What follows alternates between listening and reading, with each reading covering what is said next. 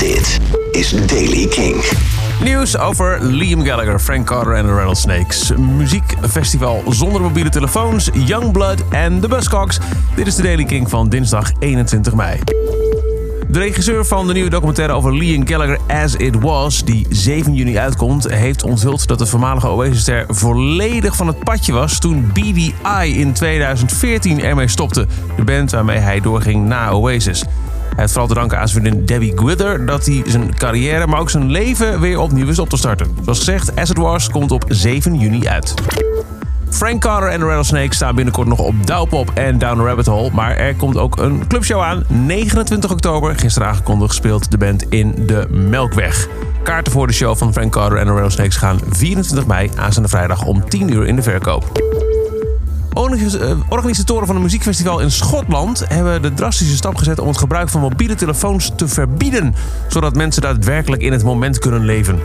Het gaat over het Fly Open Air Festival dat 18 en 19 mei plaatsvindt in Edinburgh. Mensen die daar naartoe gaan moeten hun telefoons opsluiten in een speciale beveiligingskoffer bij het betreden van de Boiler Room stage van het festival. Festivaldirecteur Tom Catley over de beslissing. Je gaat ook niet naar de bioscoop en een film via je telefoon bekijken, dus ik zie niet hoe dit anders is. Youngblood komt op 15 oktober in een oplage van duizend gesigneerde exemplaren met een eigen graphic novel, The Twisted Tales of the Ritalin Club. From the messed up mind of music sensation Youngblood comes the twisted tales of the Ritalin Club. Zo luidt de omschrijving.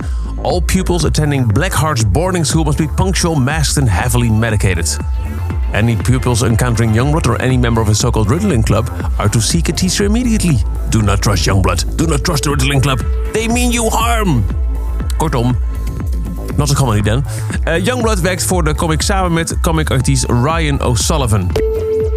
En de overlevende leden van de Buzzcocks hebben plannen aangekondigd uh, voor een speciale tribute show voor wijlen frontman Pete Shelley, die afgelopen december op 63-jarige leeftijd stierf.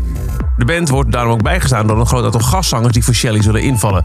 Waaronder voormalig Sonic Youth Thurston Moore, Tim Burgess, leden van The Damned, The Only Ones en The Skids zullen allemaal hulde brengen aan Shelley in de Royal Albert Hall in Londen op 21 juli.